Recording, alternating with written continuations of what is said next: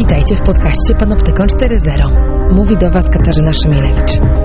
Jestem prawniczką i prezeską Fundacji Panoptykon, która reaguje na zagrożenia związane z rozwojem nowych technologii i to, co dzieje się na styku tej technologii człowieka. W Panoptykonie 4.0 mam ten komfort, że nie zaglądam do ustaw, nie gadam z politykami, ale mogę zrobić coś ciekawszego, mogę zajrzeć na zaplecze tych technologii, przemyśleć to, skąd się wzięły, co tak naprawdę zmieniają w naszym życiu, jak działają i rozmawiam o tym z ludźmi, którzy wiedzą, wiedzą, bo badają, wiedzą, bo są praktykami e, i tą wiedzą potrafią się dzielić.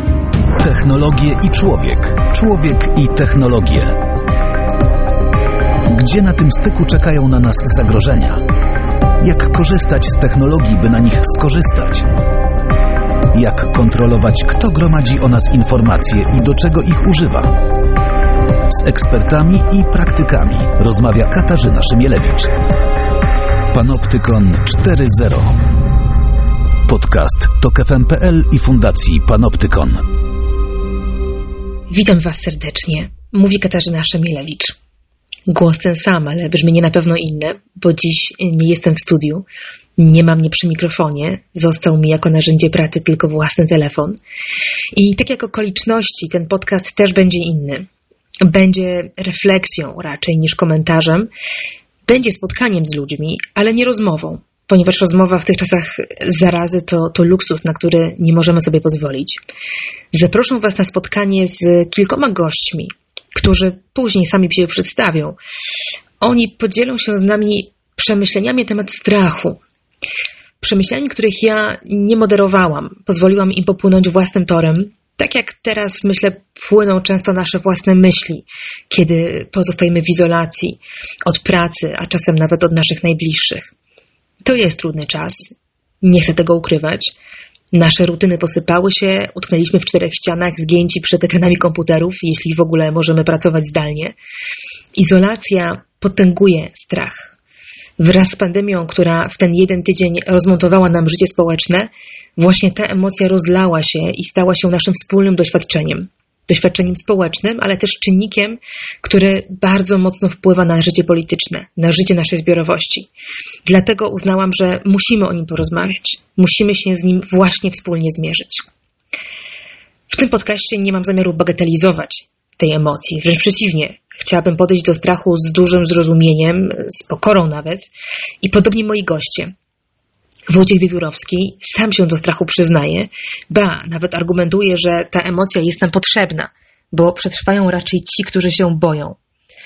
Z perspektywy ewolucji choroba to coś, czego człowiek ma prawo, a wręcz powinien się obawiać, żeby przeżyć. Z tym strachem każdy z nas z osobna ma prawo radzić sobie po swojemu. Ma prawo go wypierać, ma prawo go eskalować, ale jako bojące się społeczeństwo musimy zareagować inaczej. Musimy ten strach wspólnie przepracować, oswoić, odsunąć, ująć w jakieś ramy, które pomogą nam racjonalnie spojrzeć na sytuację i jednak racjonalnie podejmować decyzje ważne dla, dla całej wspólnoty. Jako wspólnota nie damy rady go wyprzeć ani odsunąć. Musimy go oswoić i choć trochę zrozumieć. Nauczyć się nim zarządzać właśnie po to, żeby nikt inny, ani media, ani politycy za pomocą tego strachu nami zarządzać nie mogli. Właśnie w ten sposób, mam nadzieję, możemy odzyskać jakieś pole do zbiorowego rozsądku, świadomy wybór reakcji na nowe sytuacje, których będzie mnóstwo, na nowe bodźce. Myślę, że mimo strachu możemy dojrzale i racjonalnie zmierzyć się z tym kryzysem, który przecież dopiero się rozkręca i na pewno potrwa dłużej niż, niż sama choroba. O tym, jak lęk o nasze zdrowie ogranicza ową społeczną racjonalność, jak wycofuje nas ze wspólnoty na rzecz koncentracji na swoim ciele i na przetrwaniu naszych najbliższych, mówi w tym podcaście Andrzej Leder. Jednocześnie alarmując nas, że w sferze publicznej dzieją się rzeczy bez precedensu. Rzeczy, które wymagają od nas racjonalnego osądu. Będzie też o nadziei i pocieszeniu, więc posłuchajcie go koniecznie do końca. Z kolei Cweta Dymitrowa opowie o głębokich źródłach naszej lękowej kondycji, które tkwią w deficycie zaufania, opieki i solidarności.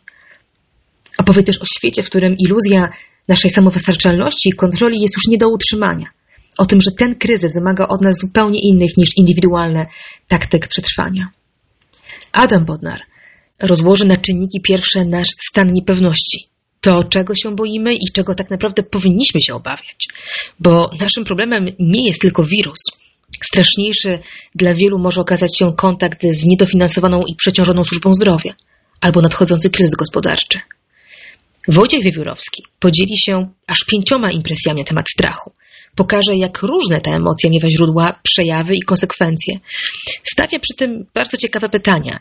Czy na przykład Niewiedza nie jest aby najskuteczniejszym antidotum na strach, albo jak mądrze reagować na straszące nas zewsząd dane, żeby nie ulec temu, co sam nazywa efektem mrożącym.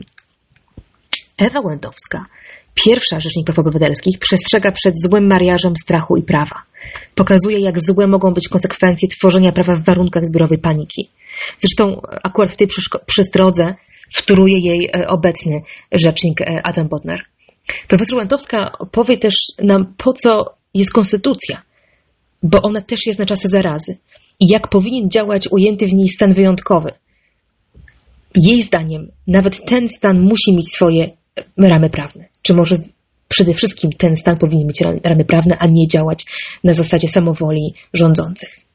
Na koniec usłyszycie komentarz Wojciecha Klickiego z Fundacji Panoptykon, który przypomni, że już kiedyś baliśmy się niewidzialnego wroga i że tamten strach zaowocował wieloma złymi, niszczącymi naszą wolność rozwiązaniami. Dziś owa wojna z terroryzmem, bo, bo do niej nawiązujemy, wydaje się oczywiście medialnym spektaklem, jakąś rozgrywką polityków, zupełnie bez znaczenia, bo epidemia, którą, z którą mierzymy się teraz, pokazuje, co to naprawdę oznacza mieć wroga, który zabija ludzi. Ale warto wrócić do tamtych doświadczeń, choćby po to, żeby wyciągnąć wnioski z nich na czas prawdziwej zarazy. Zanim oddam głos moim gościom, pozwólcie, że jeszcze podzielę się z Wami moim strachem. W tych pierwszych tygodniach epidemii zmroziły mnie przede wszystkim spojrzenia i interakcje ludzi mijających się na ulicach, a nawet reakcje niektórych z moich przyjaciół. Oczywiście znam zalecenia WHO, które od początku zarazy mówi o tym, żeby się dystansować i zaleca przynajmniej półtora metra odległości. Ale w moim doświadczeniu ludzie mnożą tę odległość razy trzy, nawet w lesie, Wołają z daleka na biegnące dzieci, żeby się nie zbliżały. Zaczynamy traktować się, jakbyśmy byli wszyscy trendowaci i zapominamy, że można wymienić spostrzeżenie, uśmiech, miłe spojrzenie, nawet w tej sytuacji, a może właśnie przede wszystkim w tej sytuacji, że to naprawdę niczym nie zagraża. Spotykam też normalnie, racjonalnie, racjonalnie myślące osoby, które teraz boją się, że wirus unosi się w powietrzu, nawet przez kilka godzin, mimo że znowu WHO tłumaczy, że go tam po prostu nie ma ludzie, dzieci nie wychodzą w ogóle na świeże powietrze, mimo że znowu eksperci WHO zalecają spacery właśnie po to, żeby zwiększać naszą odporność i tak dalej. Mam, mam poczucie, obserwując te interakcje, albo ich brak, że naprawdę dmuchamy na zimne, albo ogarnęła nas jakaś, jakaś zbiorowa panika. Dopóki to są te osobiste decyzje, które dotyczą tylko nas i naszych bliskich, oczywiście mamy do nich prawo. Staram się nie myśleć, że to nam zostanie, że ten dystans już jest na zawsze, że będziemy sprowadzać siebie i swoje ciała do tego, że możemy być źródłem zarazków i zapomnimy kompletnie o tym aspekcie duchowym czy społecznym. Mam nadzieję, że tak nie będzie, że to wszystko minie. Ale tu i teraz nie potrafię nie martwić się o bezpośrednie skutki izolacji społecznej, która będzie się w tym stanie ducha i emocji przeciągać i o to, jak władza w Polsce na te, na te, na, na te emocje zareaguje, ponieważ bardzo łatwo można przejść od strachu do moralnego szantażu. Szantażu ludzi, którzy będą oczekiwać od władzy więcej, niż ona racjonalnie powinna przedsięwziąć.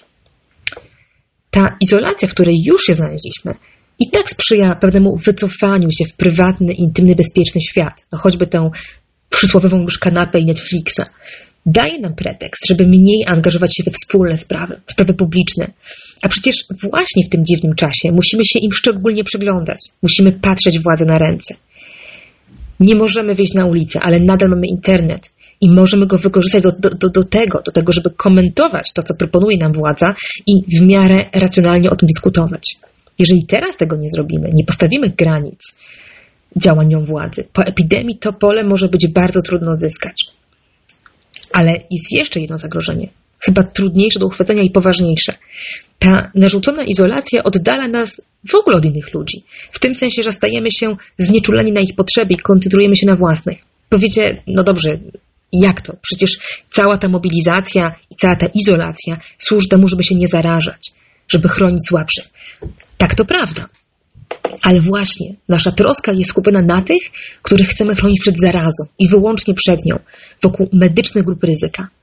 To, to coś, co ja rozumiem jako pierwszy odruch, jako pierwsza reakcja na epidemię.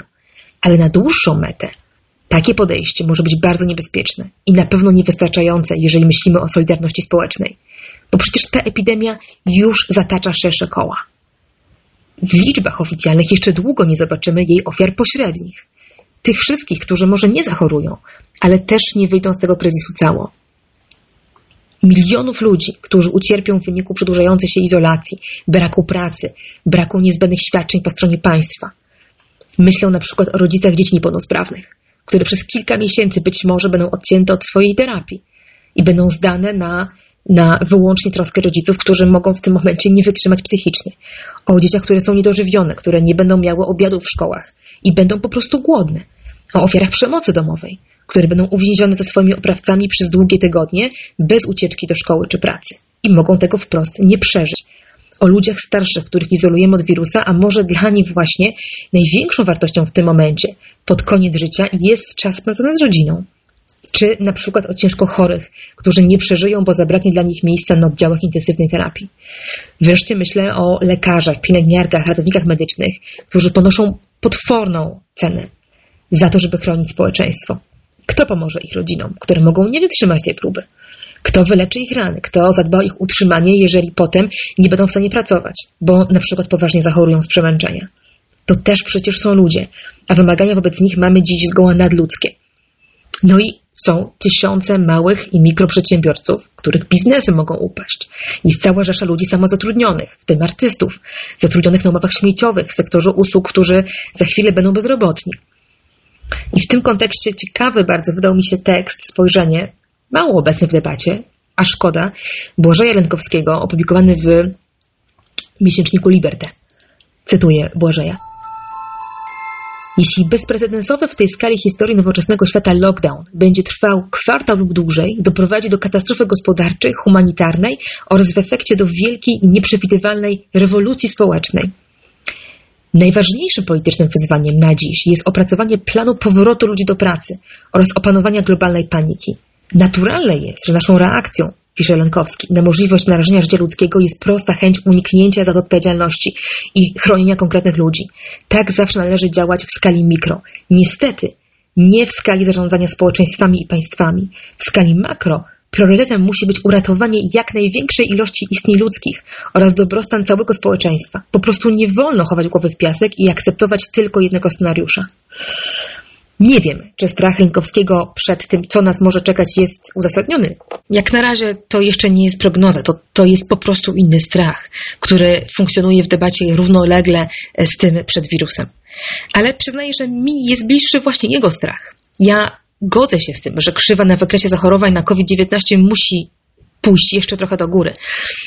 Jej boję się coraz mniej. Natomiast Obawiam się, że jeżeli nie zadbamy w tym okresie kryzysu o grupy najbardziej narażone na pośrednie skutki epidemii, to te grupy wykluczone przez czas zarazy bardzo mocno nam urosną w liczbach i urośnie też ich złość.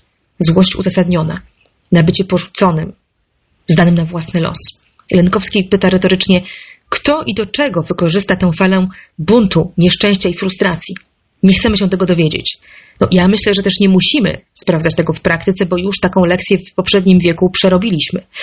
Historia przypomina nam, że złość i wykluczenie to silne paliwo dla populizmu, dla jeszcze gorszej polityki. Więc oby ten kryzys nie okazał się dla nas tym, czym był wielki kryzys przełomu lat 20. i 30. w XX wieku. Cóż, jeśli możemy zrobić cokolwiek, żeby wspólnie wyjść poza ten wąski horyzont myślenia o walce z epidemią, i zacząć ważyć konsekwencje polityk publicznych, które teraz kształtują nasze rządy w dłuższym horyzoncie czasu niż ten najbliższy miesiąc, zróbmy to. Ten podcast nie przyniesie odpowiedzi na te wszystkie pytania, nie powie Wam, jak działać, bo nikt z tego nie wie. Ale niech będzie zaproszeniem, żebyśmy wspólnie podjęli taki wysiłek poćwiczenia wyobraźni politycznej i wrażliwości społecznej, żebyśmy wyszli poza osobistą włoską perspektywę lęku przed czymkolwiek, czego się akurat boimy i zastanowili się, jakie korekty musimy wprowadzić w tych wspólnych środkach, które nas chronią, żeby przetrwać próbę jako społeczeństwo i żeby ocalić to, co jeszcze możemy ocalić z polskiej demokracji. Z tym wezwaniem i z tą refleksją oddaję Was w ręce moich gości. Wojciech Wywirowski, Europejski Inspektor Ochrony Danych. Zawsze intrygowało mnie powiązanie pomiędzy słowami bać się i strach. Podobno język, którym mówimy, powoduje, że widzimy świat w szczególny sposób. Bać się, ale rzeczownik od tego strach. No oczywiście tak nie jest z punktu widzenia językowego. Odbać się rzeczownikiem jest bojaźń, ale bojaźń kierujemy zazwyczaj do siły wyższej, którą cenimy, której nie tyle się obawiamy, ile rozumiemy jej moc. Strach, czasownik od tego to przestraszyć się, czyli tak naprawdę zacząć się bać, albo nawet na chwilę się bać. Dwa słowa, różne od siebie, powiązane i nie do końca wiadomo w jaki sposób. Nie wstydzę się tego, że się boję. Strach jest dobry. To strach powoduje, że jesteśmy w stanie przetrwać jako społeczeństwo, jesteśmy w stanie przetrwać jako gatunek. Tylko ci, którzy mają w sobie dozę strachu, tylko ci, którzy wiedzą, że mogą się przestraszyć i powinni nad tym panować, są w stanie przeżyć. Oczywiście każde społeczeństwo potrzebuje bohaterów, którzy nie będą się bali, ale właściwie traktuje ich trochę jako socjopatów. Ważne jest nie to, żebyśmy się nie bali. Ważne jest to, żebyśmy zarządzali strachem. Nie dawali innym decydować za nas, czego mamy się bać, i decydować za nas, kiedy się boimy. Pozwolę sobie na pięć krótkich opowieści o tym, czym jest dla mnie strach i z czym strach mi się kojarzy. Impresja pierwsza. Ludzie z zasady się boją. W 2015 roku miałem okazję uczestniczyć w, w spotkaniu na Uniwersytecie Wrocławskim, w którym brała udział spora grupa e, byłych opozycjonistów, którzy nie bardzo mogli zrozumieć, dlaczego kwestia ochrony prywatności jest aż tak istotna w demokratycznym w końcu państwie, uznając, że to oni w, przed 1989 rokiem rzeczywiście byli narażeni na naruszenie wszystkich możliwych zasad prywatności przez władze komunistyczne, a jednak decydowali się walczyć z tym komunizmem mimo to. Jedyną moją odpowiedzią dla tych ludzi było stwierdzenie, że ja jestem im bardzo wdzięczny za to, że nie okazywali strachu. Ja jestem im bardzo wdzięczny, że byli w stanie wyciężyć strach, jeżeli on się pojawiał.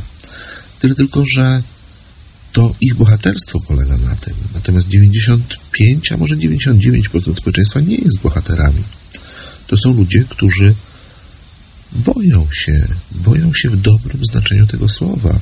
Boją się o swoją rodzinę, o jej bezpieczeństwo, boją się o siebie samych i to jest norma.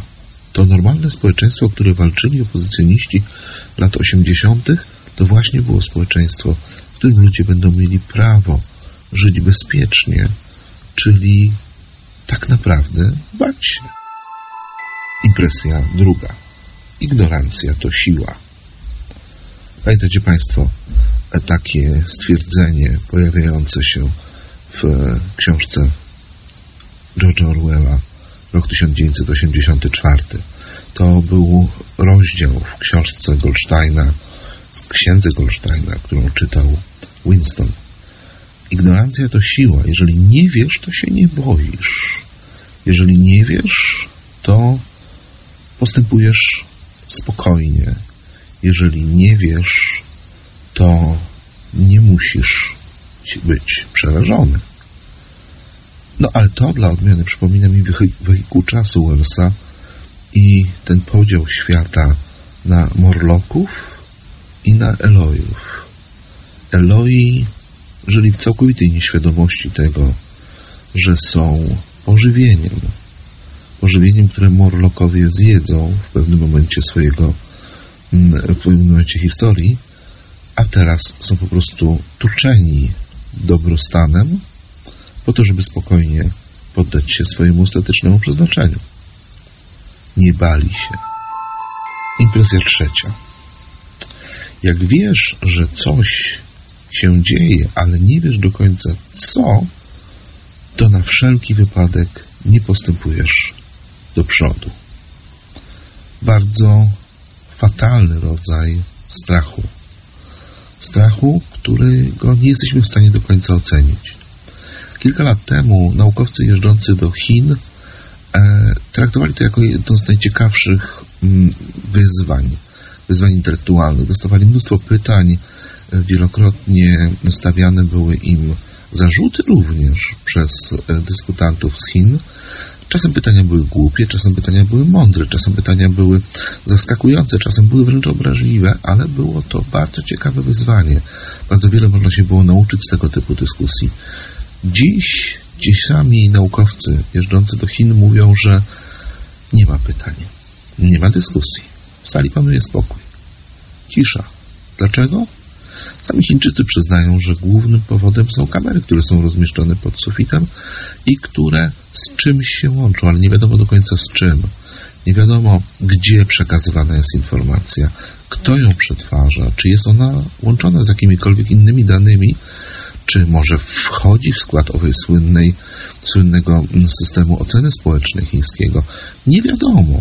Być może, to być może jest tak naprawdę największym lekkim strachem, który jest sprzedawany społeczeństwu. Impresja czwarta. A czasem masz wiedzieć wszystko, żeby się naprawdę bać. W większości krajów europejskich walczymy o pełną transparentność orzeczeń sądowych. O to, żeby dowiedzieć się, o czym i w jaki sposób orzekają sądy. Jest jednak jeden z krajów Europy, który dobrze radzi sobie z przekazywaniem wszystkich informacji dotyczących własnego orzecznictwa, a czyni to po to, aby społeczeństwo wiedziało, co go czeka. W Rosji nie ma większych kłopotów z uzyskaniem informacji na temat orzecznictwa, szczególnie orzecznictwa karnego, a szczególnie w sprawach, które dotyczą występowania przeciwko porządkowi publicznemu. To właśnie głębokie przekonanie, że, że sądy działają sprawnie, a e, orzeczenia zapadają szybko i są surowe, prowadzi do tego, że społeczeństwo nie podnosi ręki na władzę, jeżeli nie trzeba. Czyli nawet pełna wiedza może być niekiedy wykorzystywana do tego, aby siać strach. Impresja piąta.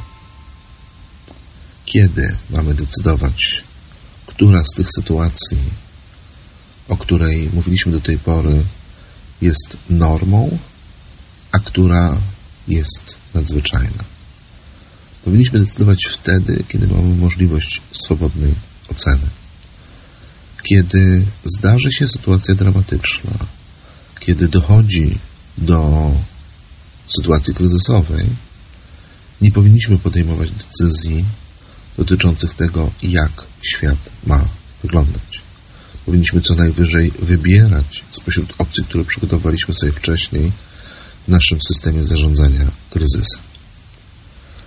Jeden z moich e, starszych kolegów z Uniwersytetu Gdańskiego profesor Jarosław Warlewski kiedyś, jeszcze w swoich czasach, kiedy był adiunktem na uniwersytecie, został zaproszony przez Europejskie Stowarzyszenie Studentów Prawa na mm, prezentację filmu, krótkiego filmu o zabijaniu i na dyskusję na temat kary śmierci. Były to czasy, kiedy w Polsce obowiązywało dopiero moratorium na wykonywanie kary śmierci. Natomiast cały czas istniała ona jeszcze formalnie w kodeksie karnym. Profesor Walewski powiedział, jestem przeciwnikiem kary śmierci. Nie chcę, żeby ona istniała. Ale oczywiście, gdyby ktoś zrobił coś złego komuś z mojej rodziny, to byłbym pierwszym, który chciałby ją zastosować. Tyle tylko, że to teraz myślę rozsądnie, a wtedy nie będę myślał rozsądnie. Decyzje o tym, jak ma wyglądać prawo i jak ma działać, powinno się podejmować wtedy, kiedy można ją rozsądnie wyważyć, a nie wtedy, kiedy dochodzi do sytuacji kryzysowej. Wtedy bowiem pojawia się strach i jest to strach, a nie bojaźń. A strach mimo że sam w sobie nie jest złym, e, nie jest złą cechą, nie jest złym uczuciem, z pewnością zaburza nasze widzenie tego, co jest normą, a co jest, jest to strach, a nie bojaźń. A strach, mimo że sam w sobie nie jest złym, e, nie jest złą cechą, nie jest złym uczuciem, z pewnością zaburza nasze widzenie tego, co jest normą, a co jest e, nienormalne. Cweta Dimitrowa. Pandemia koronawirusa konfrontuje nas z najbardziej podstawowymi lękami egzystencjalnymi. O zdrowie i życie własne, naszych bliskich i różnych osób z naszego otoczenia, o których pewnie zwykliśmy świadomie nawet czasem nie myśleć. Z obawą, czy przetrwamy, czy zachowamy pracę, czy będziemy w stanie się utrzymać, jak będzie wyglądać nasza rzeczywistość, co się zmieni, w jakim kierunku i czy będziemy w stanie w tej nowej rzeczywistości się odnaleźć.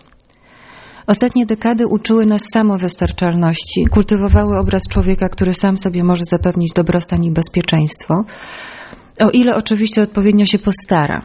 Zapomniały natomiast o tym, że do radzenia sobie z podstawowym poczuciem zagrożenia zawsze potrzebowaliśmy innych. Człowiek jest bowiem istotą zależną i w takiej właśnie zależności przychodzi na świat, a bez opieki innych nie może w nim przetrwać. Ze strachem czy lękami, które wydają się mniej racjonalne, a jednak nie dają spokoju, wybudzają w nocy, konfrontują z poczuciem zagrożenia, uczymy się sobie radzić przy pomocy innych. Lęk nie jest stanem, w którym potrafimy długo wytrwać, bo jednym z jego najbardziej upiornych aspektów jest to, że izoluje, że czyni nas samotnymi, bezradnymi, pozbawionymi możliwości rozumienia, zarówno samych siebie, jak i tych wokół nas. Taką właśnie otchłań wrzucił nas koronawirus i przypomniał o tym, że bez względu na to, jak bardzo zbroiliśmy się przed zagrożeniem, a może zapomnieliśmy, że takie zagrożenia są i będą, pojawiają się momenty, kiedy odsłania się zarówno kruchość naszej własnej egzystencji, ale i kruchość idei, na których zbudowane są współczesne społeczeństwa. Bo każdy z nas wie, że dziś bez obecności bliskich, z którymi dzielimy przestrzeń, bez pomocy sąsiadów, którzy przyniosą zakupy, bez pomocy służb medycznych, wreszcie bez pomocy instytucji państwowych i międzynarodowych, nie mamy szans zmierzyć się z czymś tak ogromnym. Kruszy się zatem wizja, że autonomia jest sposobem na lęk. A autonomia zaprzeczająca zależności jest pragnieniem i zarazem iluzją kontroli w świecie, gdzie bezpieczeństwo jest pozorne, i może się w jednej chwili rozpaść. Tam, gdzie sami nie mamy szansy na podtrzymanie tej kontroli, sięgamy po różne sposoby radzenia sobie, żeby ją odzyskać. Reagujemy agresją, szukamy winnych, o czym zresztą często donosiły ostatnio media, na przykład kiedy oskarżane były różne osoby chore o to, że przenoszą wirusa, czy były z tego powodu atakowane. Gromadzimy też dobra, mające zapewnić nam przetrwanie. Sięgamy po różne sposoby, żeby jakoś ten swój lęk ukoić. Potrzebujemy odwołać się do jakiejś instancji, do opiekuna, który da nam bezpieczeństwo i ukojenie. Dziś w tej roli są instytucje, coś co przekracza możliwości jakiegokolwiek indywiduum. Te właśnie instytucje, których funkcje w ramach logiki neoliberalnej uznaliśmy za mało ważną. Instytucje opieki uznające system naszych wzajemnych zależności. Znaleźliśmy się więc w sytuacji patowej. Z jednej strony to, co było motorem napędowym dla naszego bezpieczeństwa, czyli zwrot ku sobie, okazuje się nieskuteczny. Narcystyczny mit o omnipotencji, o tym, że się ma kontrolę i że można samemu zapewnić sobie bezpieczeństwo, się rozpada. Z drugiej strony na ile możemy oddać sprawstwo instytucjom, która, które nas systematycznie zawodziły, ponadto władzom i politykom, którzy sami są zdezorientowani, bezradni, co gorsza podatni na pokusę, by zagrożenie wykorzystać do podtrzymywania własnego poczucia kontroli. W chwili, gdy chwieją się fundamenty naszego istnienia, szukamy poczucia bezpieczeństwa i łatwo rezygnujemy z własnego sprawstwa, z własnych praw, ze swojej wolności. Stan wyjątkowy, jakim jest zagrożenie własnego ja, to sytuacja, w której ograniczamy się do kalkulacji szansy na przetrwanie. Stan wyjątkowy może więc w sposób nieuchwytny i niezauważalny stać się normą, w której nie będziemy racjonalnie negocjować tego, jak odnaleźć się w świecie, w którym sieć wzajemnych połączeń jest niezaprzeczalna.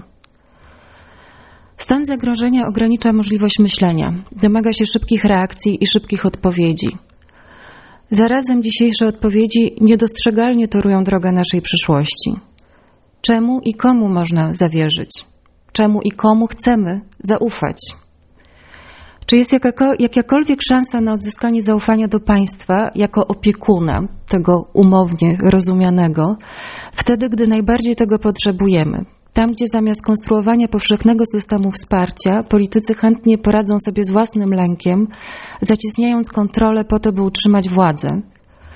Czy zaufamy rzeczywistości, nie krzewiąc iluzji samowystarczalności, jeśli w zadaniu odbudowywania naszej codzienności znów skazani będziemy na samych siebie? Czy w obliczu tego mamy jeszcze szansę na świat, gdzie możliwa jest dobra zależność, zależność, która nie zabiera nam autonomii i nie pozbawia nas empatii oraz do zdolności do widzenia innych? Andrzej Leder. E, nagrywam te słowa 29 marca w trzecim tygodniu e, trwania epidemii w Polsce. W każdym razie świadomości tego, jak bardzo ta epidemia jest zagrażająca. E, skupienie e, opinii publicznej, w większości ludzi na epidemii e, powoduje, że nie w pełni zdajemy sobie sprawę, że jednocześnie jesteśmy świadkami pełzającego zamachu stanu. Właściwie zmienia się w ogromnym stopniu konfiguracja sposobu rządzenia w Polsce. E, odbierane są czy ograniczane w ramach ochrony przed epidemią. Kolejne prawa obywatelskie, coraz więcej uprawnień e, skupia w swoich rękach władza wykonawcza, rząd, e, władza, którą sprawuje jedna partia, a właściwie jeden człowiek. Pytanie, które, które właściwie nurtuje, pytanie, które jest groźne, to pytanie, na czym aktualnie polega E, to e, e, odwrócenie się, czy ogromna słabość zaangażowania, słabość też myślenia o sprawach publicznych w momencie trwania epidemii. Wydawałoby się to jakoś oczywiste, ale spróbujmy to rozpisać czy omówić krok po kroku. Po pierwsze, musimy zadać pytanie, co powoduje tak silny strach, jaki, jaki wywołuje e, zagrożenie chorobą e, COVID-19? E, odpowiedź na to już istnieje w myśli psychologicznej, psychoanalitycznej od, od wielu lat. Podstawową reakcją na taki poziom zagrożenia, a przede wszystkim zagrożenia zdrowia, zagrożenia życia jest e, skupienie na bardzo wąskim kręgu, przede wszystkim na własnym ciele. E, myśli zaczynają krążyć przede wszystkim wokół e, różnego rodzaju narządów. Człowiek zaczyna wsłuchiwać się w to, czy nie kaszle więcej, czy nie kicha, czy nie ma gorączki, czy nie bolą go mięśnie, czy nie oddycha mu się trudno. Te właśnie myśli, ten, ta sama obserwacja zaczyna wypełniać jego, e, jego cały, cały umysł. Ale jeżeli to właśnie wypełnia umysł, to coraz trudniej jest skupić się na e, całym społecznym funkcjonowaniu, na organizmie społecznym, możemy powiedzieć. I jeżeli, w momencie, w którym własne płuca stają się głównym obiektem myślenia, ciało społeczne przestaje, znika jak gdyby e, z naszego pola widzenia. To jest pierwsza, e, pierwszy mechanizm. On oczywiście dotyczy też naszych bliskich, to znaczy e, troska i lęk o to, że ktoś może zachorować, że ktoś, w szczególności osoby, które są najbardziej narażone, mogą umrzeć z powodu tej choroby. Wsłuchiwanie się w ich stan zdrowia, zadawanie pytań, wymienianie się uwagami. To wszystko niesłychanie skupia uwagę. Już nie mówiąc o różnego rodzaju działaniach zapobiegawczych, które e, staraniach o takie podstawowe e, formy przeżycia, kupowanie mąki, cukru, gromadzenie różnych innych zapasów. To wszystko e, wypiera myślenie o tym, co jest z nami i będzie z nami, to znaczy o kształt życia publicznego. Można powiedzieć, że w ten sposób lęk ogranicza racjonalność społeczną, racjonalność na poziomie wspólnotowym. I to jest e, jakby taka, takie wytłumaczenie, które idzie od strony e, indywidualnej. Ale jest jeszcze inny poziom. Otóż racjonalność czy myślenie, które e, próbuje opierać się na ogólnych zasadach, jest e, wydolny i sprawny tylko wtedy, kiedy mamy do czynienia z pewnego rodzaju przewidywalnością świata, kiedy zasady odpowiadają temu, jak zwykle zdarzają się wydarzenia. Jeżeli te wydarzenia zaczynają e, stawać się nieprzewidywalnymi, jeżeli nie możemy w ogóle domyślić się, co się stanie, jeżeli zamiast typowych ciągów pojawiają się kompletnie nieprzewidywalne. Na przykład takie, że nagle tego samego dnia z powodu jakiejś nowej choroby umiera około tysiąca ludzi, tak jak dzieje się we Włoszech czy Hiszpanii, to wtedy yy, racjonalność, powiedziałbym, trochę traci rację bytu. Ludzie czują się wtedy zagubieni. Każdy z nas e, zaczyna szukać punktu oparcia. I niestety takim punktem oparcia zaczyna się wtedy wydawać e, ten, kto sprawuje władzę. Po prostu on ma wpływ, on może podjąć decyzje, które, mm, które pozwalają e, na opanowanie, tak myślimy, tego, tego całego niebezpieczeństwa. A ponieważ człowiek bardzo trudno wyrzeka się nadziei, wiemy to, nadzieja umiera ostatnia, te liczne przysłowia pokazują, jak bardzo nadzieja jest ważna. Co więcej, najsilniejszym środkiem przeciwlękowym jest nadzieja. Po to właśnie, żeby pokonać lęk, umieszczamy swoją nadzieję w tych, którzy mogą podjąć decyzję. Zaczynamy myśleć o tym, że oni wiedzą, jakie decyzje powinni podejmować, że mają doradców, którzy im pozwalają podejmować słuszne decyzje, że ogólnie rzecz biorąc nie jest tak źle, jak mogłoby się wydawać, że jest. Staramy się pocieszać. To jest ogromna potrzeba ludzka, ale pocieszamy się, umieszczając nasze zaufanie w ludziach, którzy niekoniecznie tego zaufania są godni. Jeżeli tak się dzieje, e, to przestajemy racjonalnie ich kontrolować, przestajemy myśleć o różnego rodzaju instrumentach kontroli społecznej, które pozwoliłyby nam mieć pewność, bo my w pewnym sensie chcemy wierzyć, a nie mieć pewność, a poza tym nieoczekiwany e, przebieg tej całej katastrofy, jaką jest epidemia, powoduje, że już nie bardzo wiemy, jak można by cokolwiek sprawdzić. E, skala społeczna dla indywidualnej osoby, dla osoby, która myśli w kategoriach swoich i swojej rodziny, jest nie do ogarnięcia tylko instytucje mogłyby ją ogarnąć, a instytucje też wydają się być zagubione. Efektem tego jest to, że zaczynamy e, na kredyt w pewnym sensie albo wierzyć. No, oczywiście jest też taka grupa, która zaczyna, e, zagłębia się w desperacji i ogólnej głębokiej nieufności, nie wierzy nikomu. Ale to jest tak rozpaczliwa pozycja, że jednak większość ludzi wybiera e, takie zaufanie na kredyt. No ale to zaufanie na kredyt powoduje, że zapominamy o tym, że każdą władzę trzeba kontrolować i że każdej władzy trzeba patrzeć na ręce. Co więcej, że ta władza doprowadziła nas do tego punktu, w którym Polska Służba Zdrowia, e, polski system państwa nie radzi sobie z tym, co dzieje się teraz. Racjonalność wróci po miejmy nadzieję, i trzeba walczyć o to, żeby to ona wróciła, a nie jakiegoś rodzaju mm, e, urojenia, jakiegoś rodzaju stereotypowe zachowania, które e, będą iść w kierunku karania jakichś grup czy jakichś osób jakoby winnych temu wszystkiemu.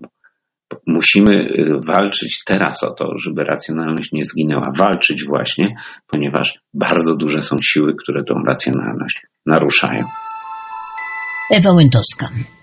Jestem prawnikiem, a zatem moje uwagi, trzy uwagi, będą dotyczyły relacji pomiędzy strachem i prawem. Prawo, które ma regulować w efektywny sposób stosunki w społeczeństwie, powinno być przestrzegane. I fundamentem, który decyduje o tym przestrzeganiu, może być albo strach, ludzie się prawa boją, a władza siłą oddziałuje na takie właśnie emocje ludzkie, albo też w demokracjach, zwłaszcza w społeczeństwie otwartym, władza stara się zbudować zaufanie do prawa, no przynajmniej zrozumienie dla intencji, e, które przyświecają ustawodawcy, kiedy reguluje jakieś kwestie w sposób zgodny z interesem, tak przynajmniej jak władza ten interes rozumie, szerszych grup społecznych. Otóż e, tego rodzaju działanie prawa, kiedy jego fundamentem ma być zaufanie, jest dla władzy bardzo uciążliwe. Wymaga czasu, wymaga deliberacji, wymaga konsultacji, wymaga ucierania, wymaga przekonywania. Jest to czasochłonne i energochłonne. W autokratycznym państwie jest prościej. Wystarczy wzbudzić strach, a ludzie sami będą prawu posłuszni. Tyle tylko, że poczucie sprawczości i poczucie bycia obywatelem w takim państwie jest oczywiście znacznie, znacznie mniejsze. Polska konstytucja z 1997 roku, która obowiązuje, ale ma się nie najlepiej, gdy idzie o jej przestrzeganie, dbając o interesy mniejszości, zadbała o nie również wtedy, kiedy mamy do czynienia z sytuacją, gdy demokracja e, z uwagi na trudności funkcjonowania zbliża się nieco do metod autokratycznych. Mianowicie mamy w jedenastym rozdziale trzy stany nadzwyczajne, stan wojny, stan, mm, stan wyjątkowy i stan klęski żywiołowej. To są sytuacje, które utrudniają funkcjonowanie państwa i w takim wypadku nawet demokratyczna władza decyduje się na funkcjonowanie trochę na skróty, w sposób bardziej autokratyczny niż w warunkach normalnych, niezakłóconego funkcjonowania państwa. Ale i w tych wypadkach sama konstytucja przewiduje, że każdy z tych stanów nadzwyczajnych ma swoje nieprzekraczalne granice. Dlatego jest ważne, żeby wobec tego, gdy zachodzą warunki do powołania, do wprowadzenia tego rodzaju stanu, rzeczywiście taki stan wprowadzić. Dlatego, że wówczas również wspomniane przeze mnie normy gwarancyjne mogą oddziaływać w odpowiedni sposób. I tutaj przykładowo w artykule 233, gdy idzie na przykład o klans, stan klęski żywiołowej, e, wiadomo, że można wkraczać, można ograniczać wolność e, działalności gospodarczej, wolność osobistą, nienaruszalność mieszkania, wolność poruszania się i pobytu, prawo do strajku, prawo własności, wolność pracy, prawo do bezpiecznych i higienicznych warunków pracy i prawo do wypoczynku, ale na przykład prawa wyborczego tutaj nie wymieniono. Ta regulacja gwarancyjna w samej Konstytucji dla stanów nadzwyczajnych ma uchronić obywateli od lęku przed niepewnością, od lęku, że władza działająca w nadzwyczajnych warunkach e, w sposób autorytarny posunie się za daleko. Jeżeli tego stanu nadzwyczajnego się jednak nie ogłasza, a de facto się go wprowadza, wtedy w takich wypadkach słuszny jest lęk obywateli przed niepewnością prawa i przed tym, co ich jeszcze może spotkać w ramach niezwyczajnych ustaw, które regulują stany nadzwyczajne, ale nie w ramach konstytucyjnych. I wreszcie, proszę Państwa, trzecia, ostatnia uwaga dotycząca sposobu funkcjonowania prawa poprzez strach. Słynny efekt mrożący. Efekt mierzący to taka sytuacja, w której prawo nawet nie działa, ale jego rygoryzm czy obawa przed zastosowaniem może wzbudzać strach powodujący, że ktoś powstrzyma się od jakichś działań, które są władzy niemiłe. Weźmy przykład. Y, jeżeli y, Dajmy na to teraz niedawno wprowadzono ograniczenia, gdy idzie o, wprowadza się ograniczenia, gdy idzie o wypowiedzi lekarzy dotyczących walki z epidemią, z którą mamy do czynienia. Otóż wprowadza się dosyć drastyczne sankcje w takim wypadku. Obawa przed tymi sankcjami może skłaniać yy, wypowiadających się do powstrzymania się nawet od uzasadnionych uwag krytycznych. Przypomnę, yy, przypadek chińskiego sygnalisty, który chciał raportować o istnieniu stanu zagrożenia w Chinach i którego władza uciszyła. Zresztą on później sam zmarł w wyniku choroby, którą się zakaził. Okazało się, że powstrzymanie od wypowiedzi, powstrzymanie od krytyki było niesłuszne. Działanie metodą efektu mrożącego zawsze jest obliczone na wyzwoleniu wśród ludzi oportunizmu i strachu. Nie są to najlepsze metody, które mają sprzyjać czy uzasadnionej krytyce, czy mają sprzyjać temu, aby obywatel mógł się czuć bezpieczny. Bywa też i tak, że strachem działa się w sposób bardziej subtelny. Jeżeli się polityk bo obawia się blamażu, weźmy też przykład niedawny, który nam się zdarzył w naszym kraju.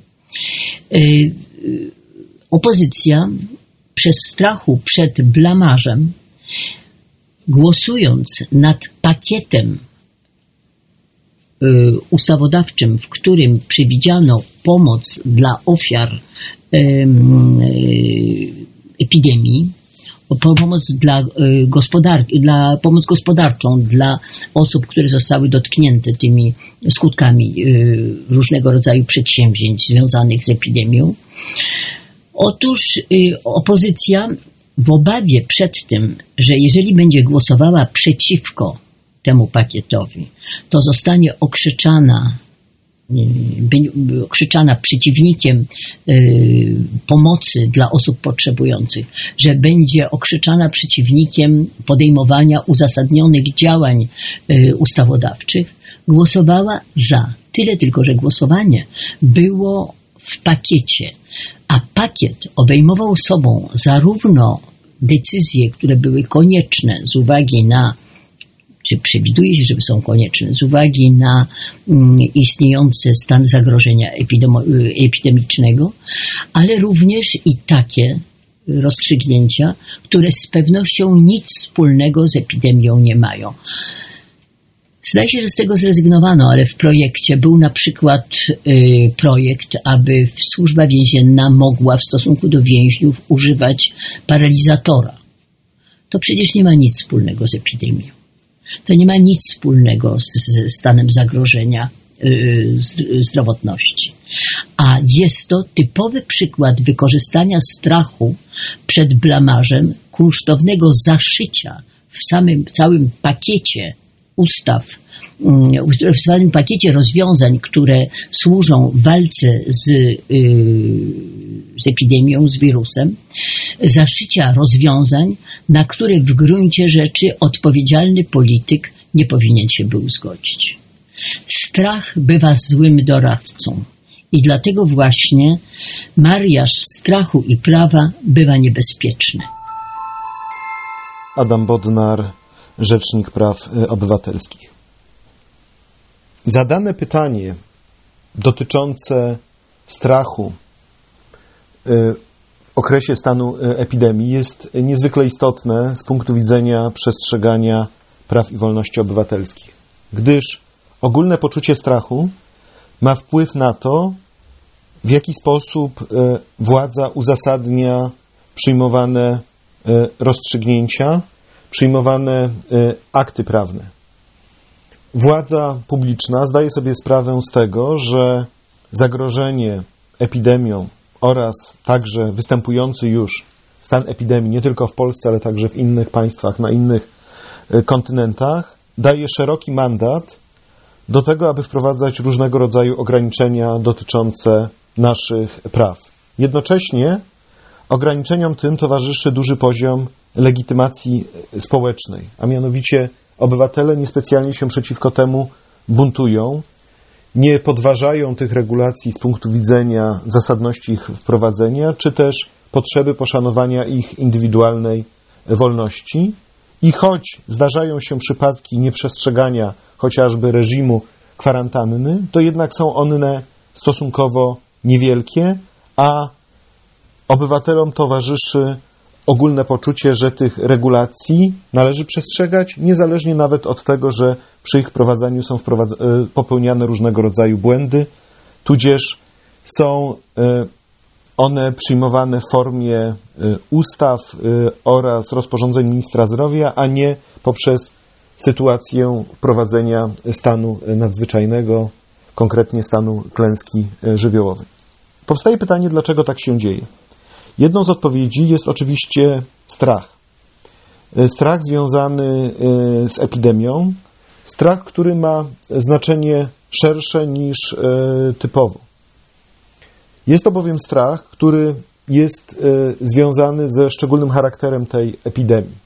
Większość z nas stara się poradzić sobie mentalnie oraz codziennie, organizacyjnie z takim swoistym, nieznanym wrogiem, bo nie wiemy do końca, jak e, wirus się e, przenosi, kto z nas może być e, nosicielem, czy już jesteśmy zarażeni, czy też nie, czy wirus się w nas rozwija, czy też nie, czy mamy, czy być może przechodzimy ten okres zarażenia bezobjawowo, a to powoduje, że ponieważ tego wroga nie jesteśmy w stanie zidentyfikować, że godzimy się na dalej idące restrykcje niż normalnie byśmy się mogli tego spodziewać. Ale ten strach jest spowodowany także tym, że nie chcielibyśmy prawdopodobnie trafić do naszej krajowej e, służby e, zdrowia. Od lat wiemy, że służba zdrowia jest niedofinansowana, źle zorganizowana, że jest za mało lekarzy, za mało pielęgniarek, ratowników medycznych, że y, są oni mocno sfrustrowani swoją y, pracą. Co więcej, słyszymy doniesienia medialne, że służba zdrowia nie jest przygotowana do y, epidemii, że nie ma wystarczających zabezpieczeń technicznych, środków sanitarnych, ale także odzieży ochronnej i maseczek. I w związku z tym to zwiększa nasze poczucie strachu. Godzimy się na ograniczenie naszych praw obywatelskich, ponieważ naprawdę każdy z nas chciałby uniknąć E, tej sytuacji e, zetknięcia się e, z wirusem. Nie czujemy się bezpieczni, mm, jeżeli chodzi o zetknięcie się właśnie systemem naszej opieki zdrowotnej. Co więcej, do tego dokładają się obrazki z innych państw Europy Zachodniej, z Włoch, z Hiszpanii, z Francji, gdzie pomimo wielkiej zasobności E, portfeli, większego bogactwa niż e, w Polsce, jednak służba zdrowia także nie była w stanie sobie do końca e, zagrożeniem poradzić i to wszystko buduje atmosferę strachu. Natomiast dodałbym do tego trzeci czynnik, a mianowicie to nie jest typowy to nie jest typowy stan mm, epidemii, gdyż zwiąże się z nim e, masowe ograniczenie naszej codziennej e, aktywności, e, polegającej na wykonywaniu naszych funkcji zawodowych czy prowadzeniu działalności gospodarczej. Restauracje przestały działać poza dowożeniem towarów i dań na wynos. Przestały działać różne punkty usługowe, fryzjerzy, kosmetyczki, siłownie, większość zakładów pracy, jeżeli sobie mogą na to pozwolić, to przechodzi na pracę e, zdalną. I to wszystko powoduje e, zachwianie łańcucha dostaw, ale zachwianie także naszej pewności ekonomicznej.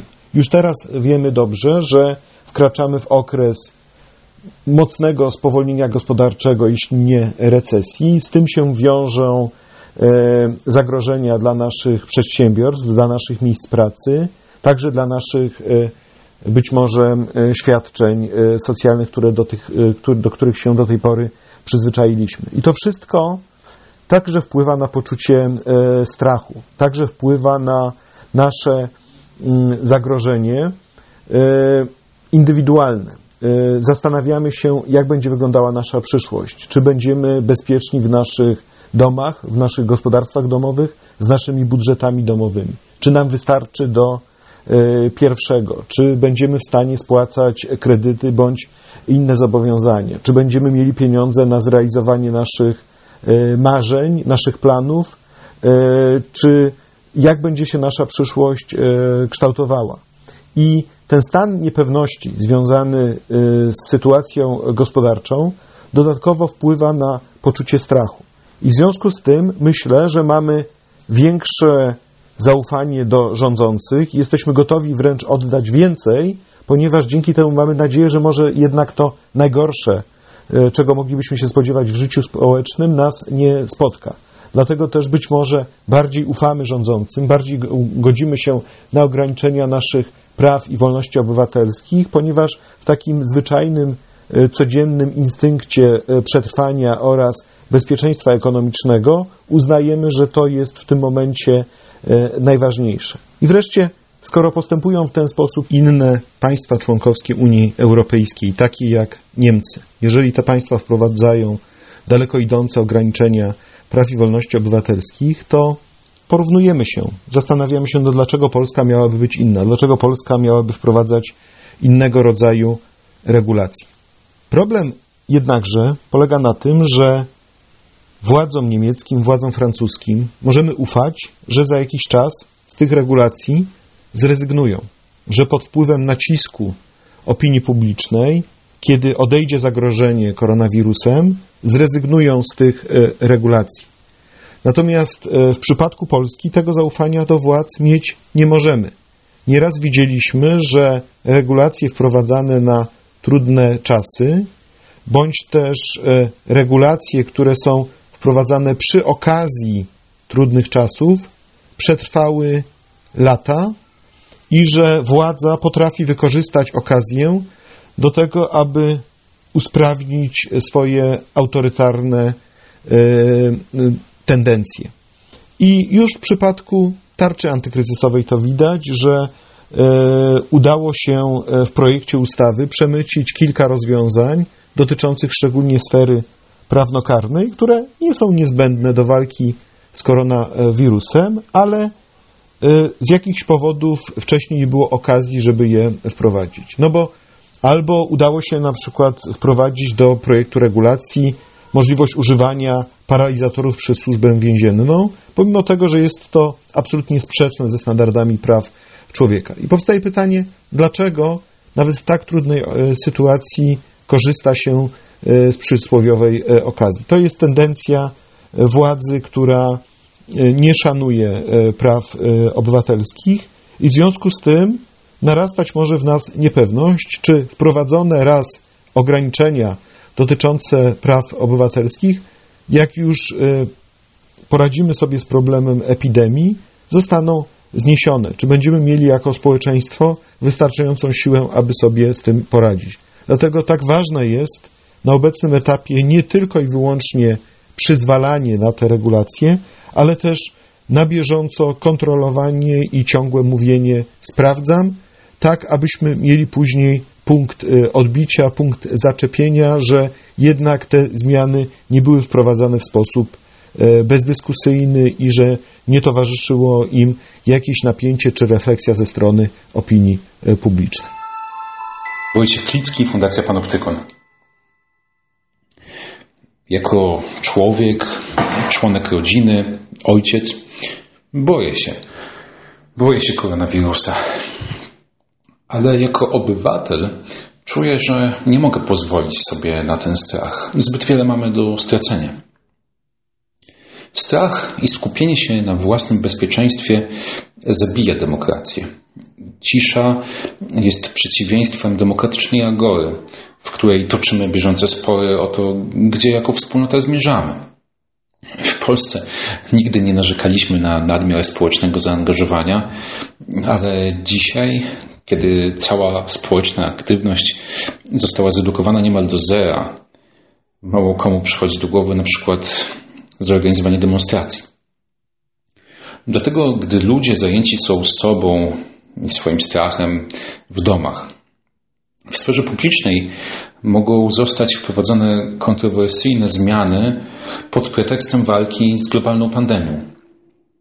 Te ciche zmiany dzieją się już dzisiaj, o czym mówili w naszym podcaście m.in. profesora Wałętowska i Rzecznik Praw Obywatelskich Adam Bodnar. Przykładem jest choćby fundamentalne ograniczenie fizycznej wolności, którą dotychczas w formie kary pozbawienia wolności, tymczasowego aresztowania stosował sąd. Teraz proponuje się umożliwienie prokuratorowi nałożenia na osobę podejrzaną o popełnienie przestępstwa zakazu opuszczania lokalu. Przy czym przepis ten nie ma daty końcowej swojego obowiązywania.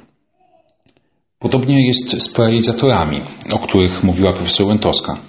Służba więzienna będzie mogła używać tego bardzo kontrowersyjnego narzędzia nie tylko w trakcie trwania pandemii, ale także później. Z ograniczeniami mamy do czynienia także w najbardziej interesującej nas panoptykonie sferze cyfrowej. Okazuje się, że wszystkie osoby poddane kwarantannie będą mieć obowiązek zainstalowania aplikacji kwarantanna domowa, która opiera się na obowiązku cyklicznego przesyłania swoich zdjęć i lokalizacji do Ministerstwa Cyfryzacji. Początkowo aplikacja była dobrowolna, ale ostatnio władze narzuciły obowiązek jej instalacji, mimo że nie ma przeszkód, by u części osób, które nie chcą wysyłać zdjęć swojej twarzy, kwarantanna była weryfikowana przez policję lub choćby przez wojsko obrony terytorialnej.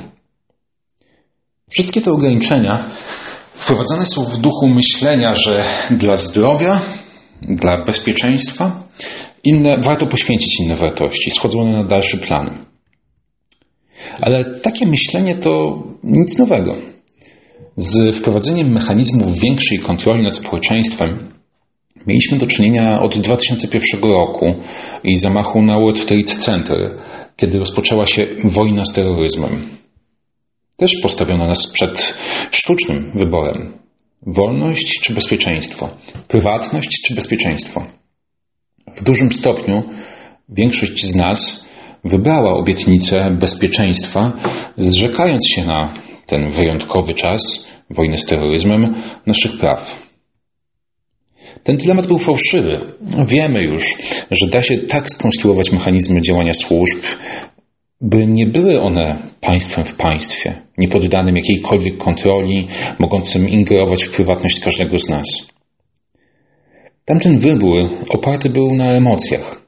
Zamachy w Nowym Jorku, ale potem też w Londynie i Madrycie były realnym źródłem obaw części społeczeństwa.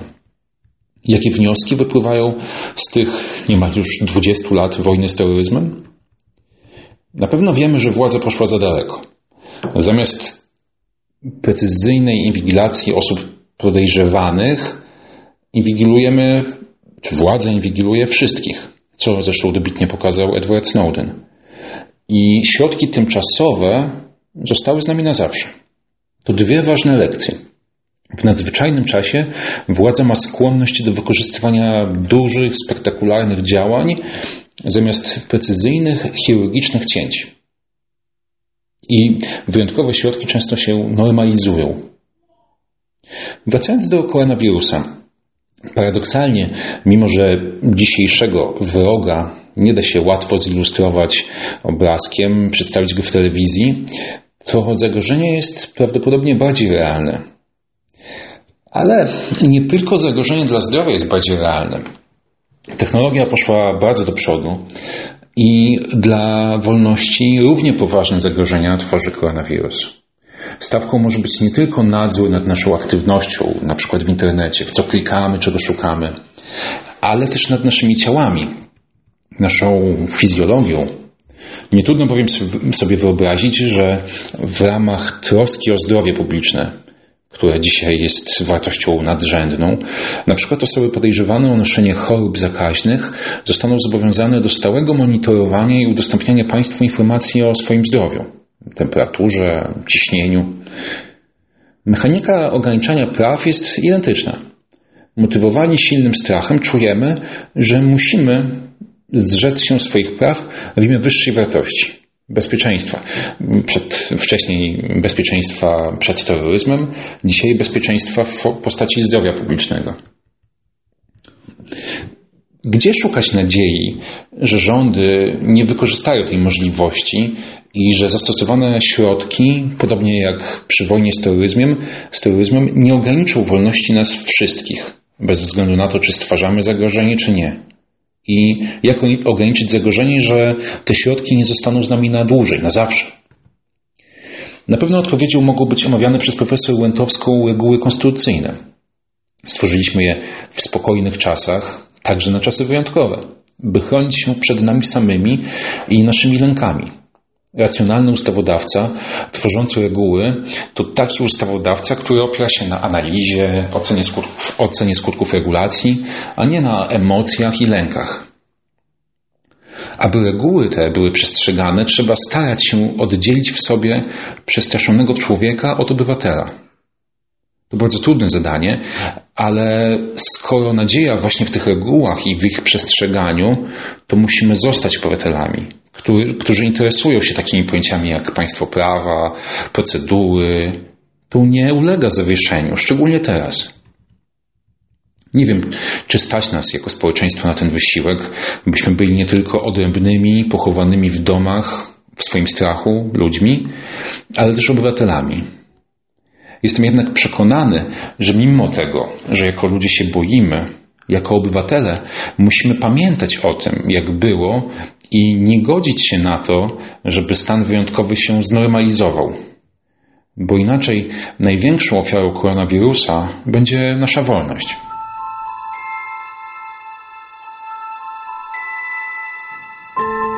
To był już ostatni głos w tym nietypowym, specjalnym podcaście Panoptykon 4.0 podcaście, w którym na różne głosy rozpisaliśmy przemyślenia wokół strachu, doświadczenia wspólnego, doświadczenia, które ma to do siebie, że ogranicza racjonalność i zagania nas w kierunku prostych, czasem krótkowzrocznych i niebezpiecznych rozwiązań.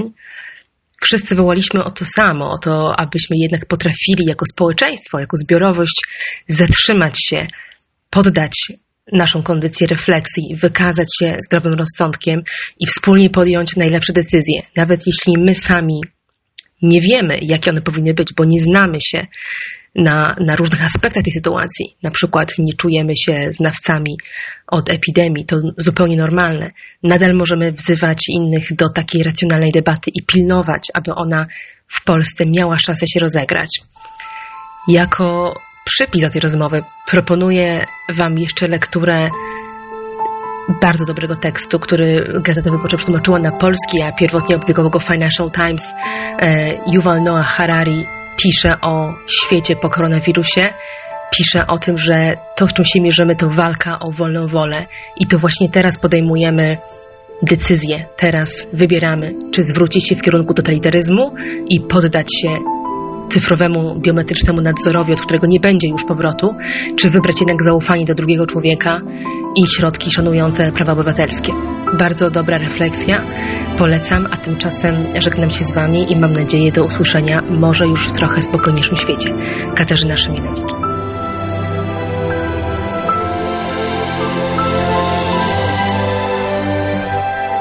Fundacja Panoptykon w coraz większym stopniu jest wspierana środkami od ludzi, którzy czują naszą misję, od takich osób jak Wy. Chodzi także o 1%, który można nam przekazywać w ramach rozliczenia swojego podatku.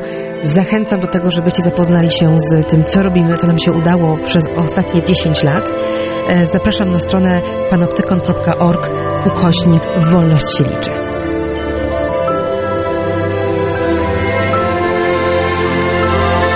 Panoptykon 4.0 Podcast to KFM.pl i Fundacji Panoptykon.